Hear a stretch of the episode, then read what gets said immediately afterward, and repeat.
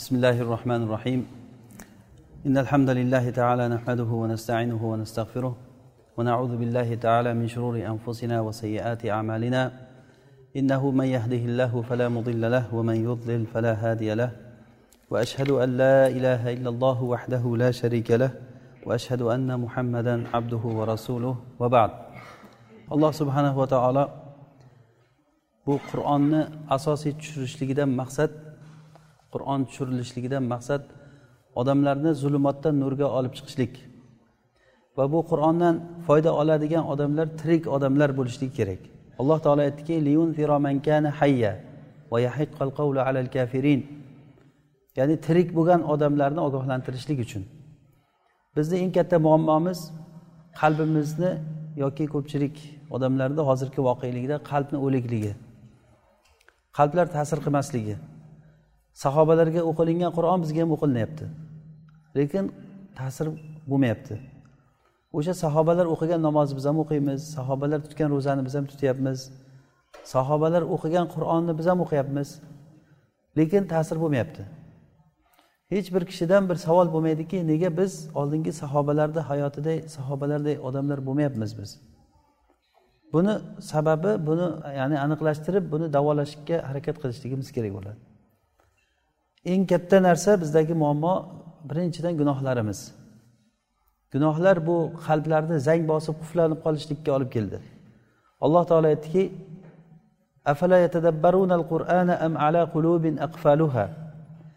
odamlar qur'onni tilovat tadabbur qilmaydilarmi yo qalblarida qulf bormi degan. Demak qalbda qulf borligi uni tadabbur qilishlikdan odamlarni to'sib qo'yadi mana bu qalbdagi qulf gunohlar sababli keladi. Shuning uchun ham biz gunohlarni mag'firat qilinishligiga juda ham katta ehtiyojimiz bor. Agar gunoh mag'firat qilinmasa gunohlarimiz kechirilmasa gunoh mag'firat qilinmasa qalblarda qulf bo'ladida qur'on ta'sir qilmaydi billah. Nur uchun kelgan qur'on ta'sir qilmaydi qalbga. To'siq bo'ladi. Xuddiki agar ta'bir joiz bo'lsa aytish mumkin. Masalan hozir ba'zi bir qo'lga kiyayotgan qo'lqoplar bor olov o'tkazmaydi.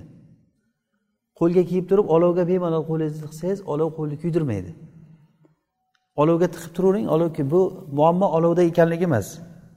Muammo qo'lda ham emas. Muammo to'siq borligi uchun. O'sha to'siq borligi uchun olov kuydirmayapti. Qalblarga qur'onni ta'sir qilishligi ham xuddi shunday bo'ladi. O'zi aslida alloh taolo qur'onni ta'sir qiluvchi qilib tushirdi. Qur'on o'sha qur'on rasululloh o'qigan qur'onlar shu xuddi qanday nozil qilingan bo'lsa shunday turibdi. Alloh taolo aytadiki lav anzalna hadal qur'ana ala jabalin laroaytahu khoshian mutasaddian min khoshiyatillah agarda bu qur'onni biz tog'larga tushirganimizda edi tog'lar ollohdan qo'rqqanligidan tilka pora bo'lib ketar edi degan. Lekin bu qur'on qalblarga zarracha ham ta'sir qilmayapti.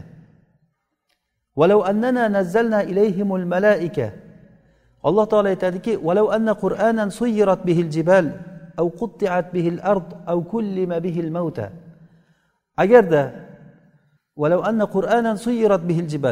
agar shu tog'larni joyidan sayr qildirib qimillatib yuborishlik uchun bir kitob kerak bo'lganda shu qur'on nozil bo'lar edi yoki o'liklarni tiriltirish kerak bo'lganda ya'ni o'liklarni tiriltirishlik uchun bir kitob kerak deganda mana shu qur'on nozil bo'lar edi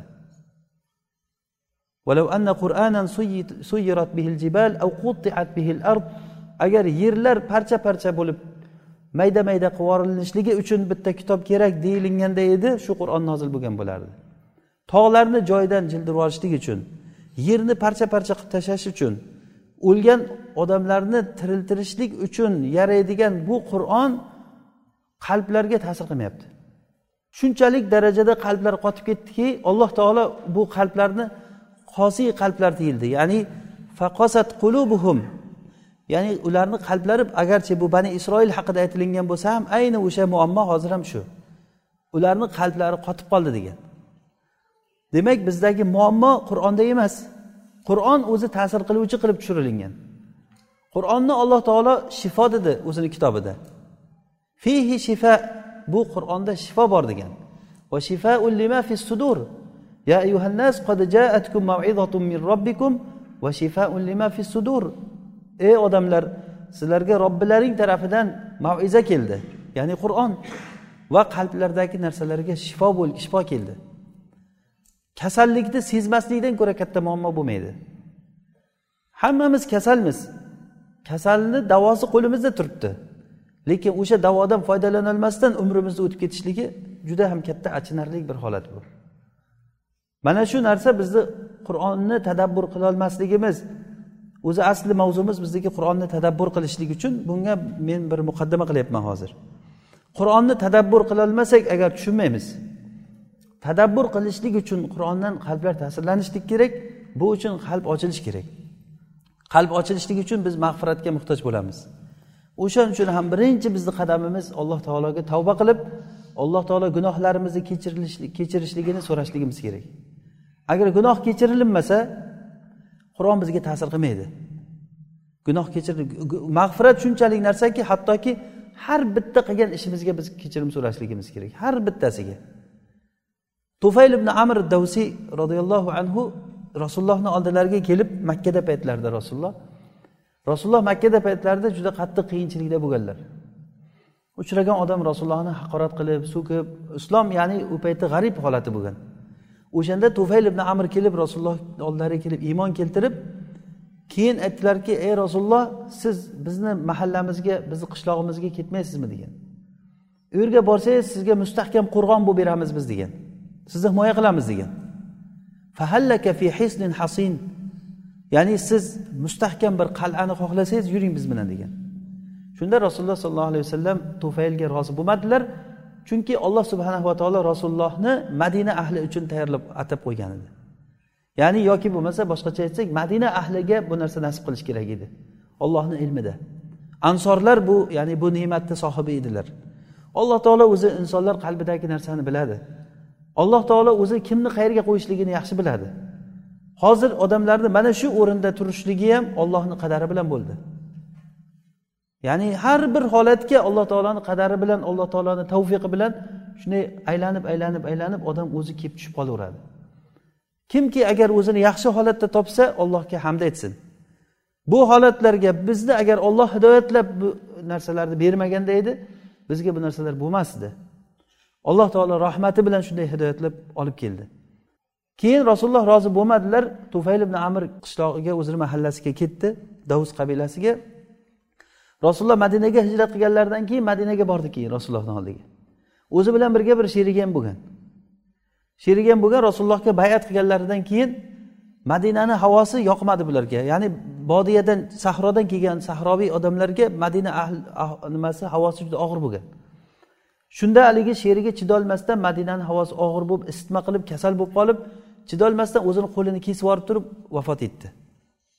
Sherigi o'zini o'zi o'ldirgan. Shunda tufayl tush ko'rdi. Tushida sherigini ko'rgan. Olloh senga nima muomala qildi deganda aytgan ekanki rasulullohni oldiga hijrat qilib kelganligim uchun alloh taolo meni kechirdi degan. Qo'li lekin bayliq turgan ekan bir temirlik holatda qo'lini ko'rgan. Qo'ling nima bunday holatda deganda qo'limni kechirmadi degan ekan. Menga aytildiki sen o'zing buzgan narsani biz isloh qilmaymiz deb aytildi degan. Chunki qo'lini o'zi o'zini o'zi kesgan edi bu kishi. Shunda tufayl turgandan keyin kelib rasulullohga tushishlarini aytib berdi. Rasululloh sollallohu alayhi vasallam duo qildilarki allohimma valiyadayhi fag'fir ey ollohim qo'llarini ham kechirgin degan. Ya'ni qo'lini ham kechirgin deganda o'sha keyin qo'llari ham kechirilib o'sha qo'li ham isloh bo'lgan. Ya'ni bu mahalliy shohid aytmoqchi bo'lganimiz shuki biz har bitta qilgan har bitta holatimizga mag'firatga muhtoj bo'lamiz. Alloh subhanava taolo agar bizni gunohlarimizni kechirsa keyin qadamimiz keyin boshlanadi. Demak hozirgi kunda bu kechalarda biz faqat alloh taolodan istig'for so'raylik. Alloh taolo gunohlarimizni kechirsin. Tavba qilaylikki alloh taolo gunohlarni kechirsin. Agar gunoh kechirilinsa buyog'i inshaalloh ochiladi oldimizda. Katta katta sirlar ochiladi. Usmon ibn affon roziyallohu anhu aytganlarki allohga qasamki agar sizlarni qalblaring pok bo'lganda edi qur'onni o'qib to'ymasdinglar degan.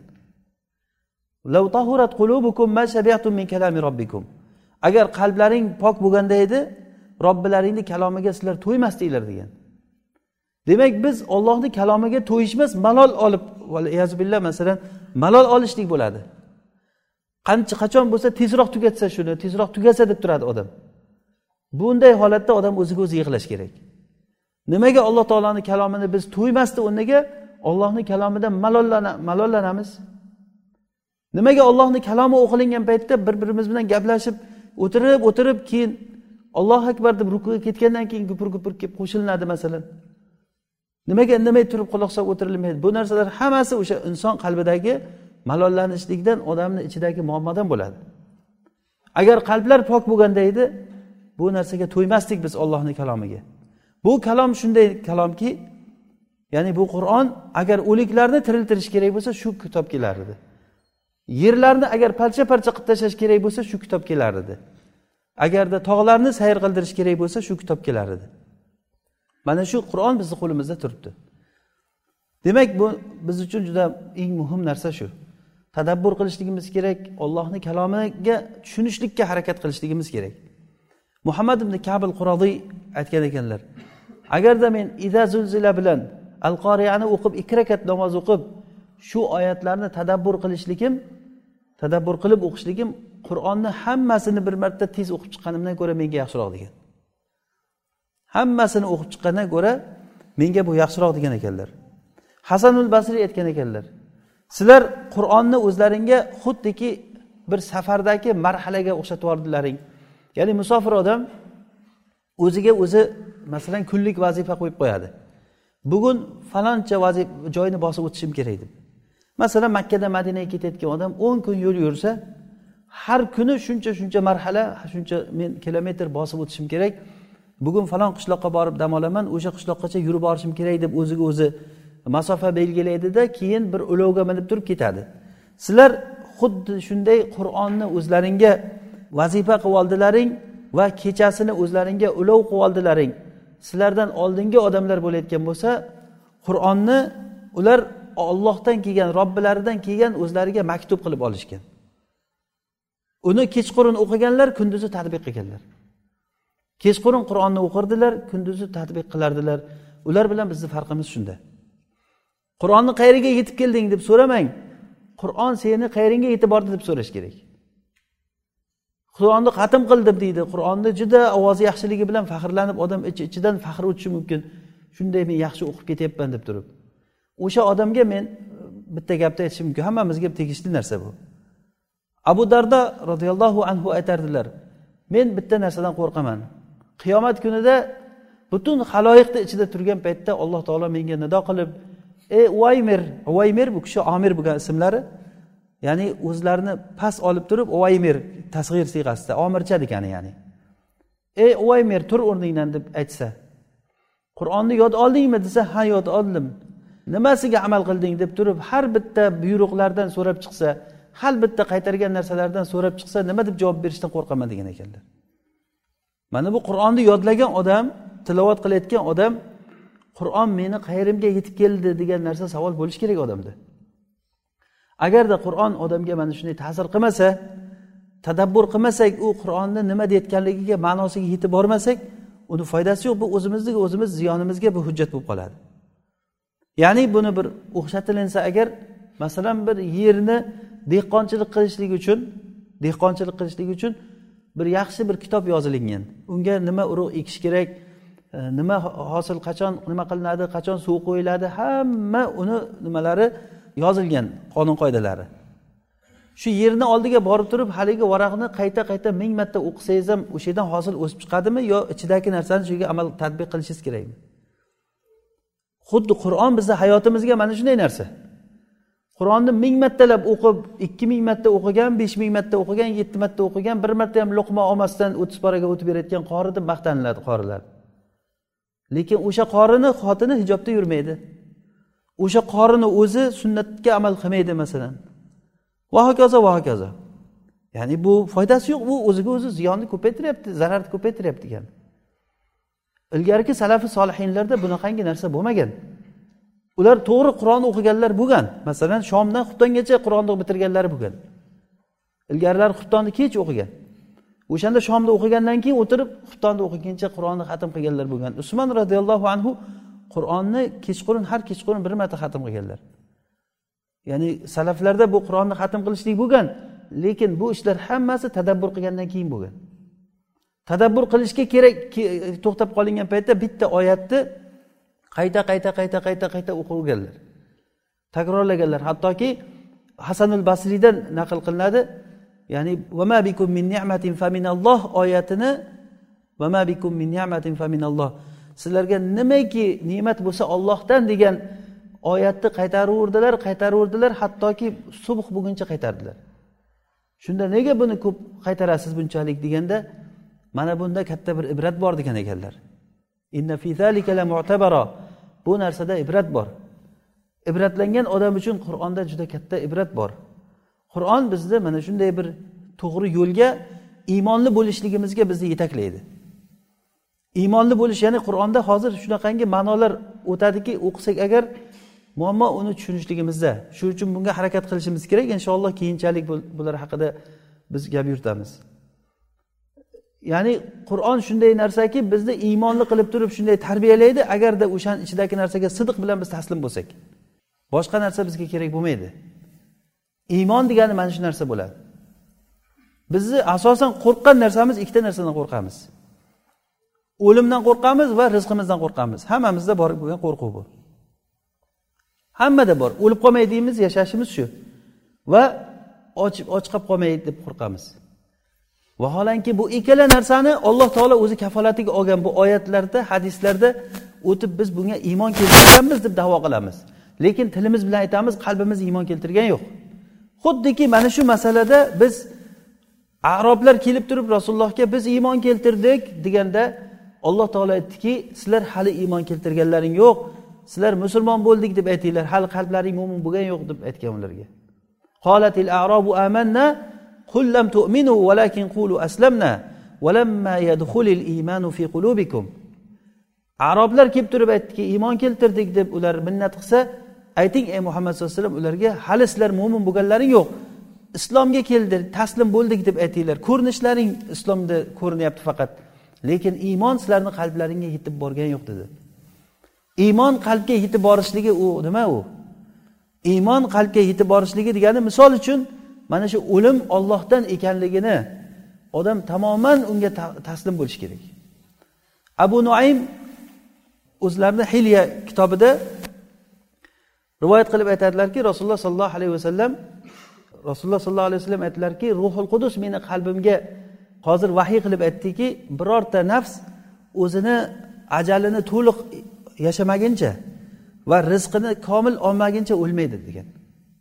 Anna nafsa lan tamuta hatta tastawfi ajalaha va tastakmila rizqaha fattaqulloha va ajmilu fi talab fattaqulloha va ajmilu fi talab ollohdan taqvo qilinglar va talab rizq talab qilishlikda go'zal yo'l tutinglar haromdan harishdan nima bo'lsa buni agar haromdan olib qolmasam rizqim kelmay qoladi deb turib olib qolmanglar bilinglarki agar shu sizni rizqingiz bo'lsa keladi sizga sizni rizqingiz bo'lgan narsani hech kim sizdan tortib ololmaydi o'sha narsani shoshiltirib haromdan kelib qolishlikka sizni hech narsa majbur qilmasin.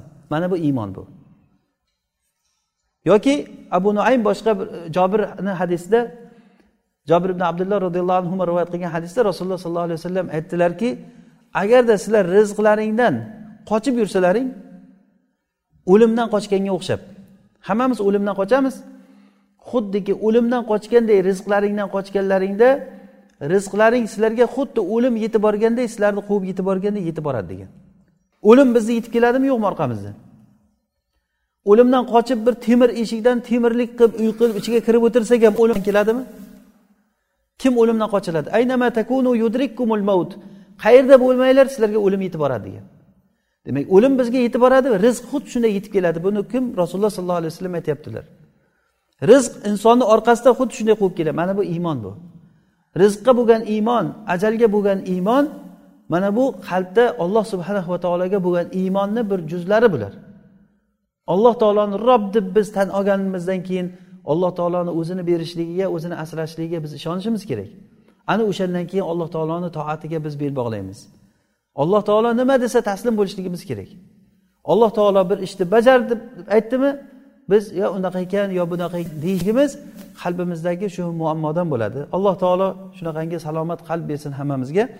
Xuddiki nomad ibn bashir roziyallohu anhuni hadislari kabi rasululloh sollallohu alayhi vasallam aytdilarki inson jasadida bitta bir a'zo bor. Agar isloh bo'lsa u insonni hamma joyi isloh bo'ladi degan. Agar u buzilsa hamma joy buziladi u qalb dedilar.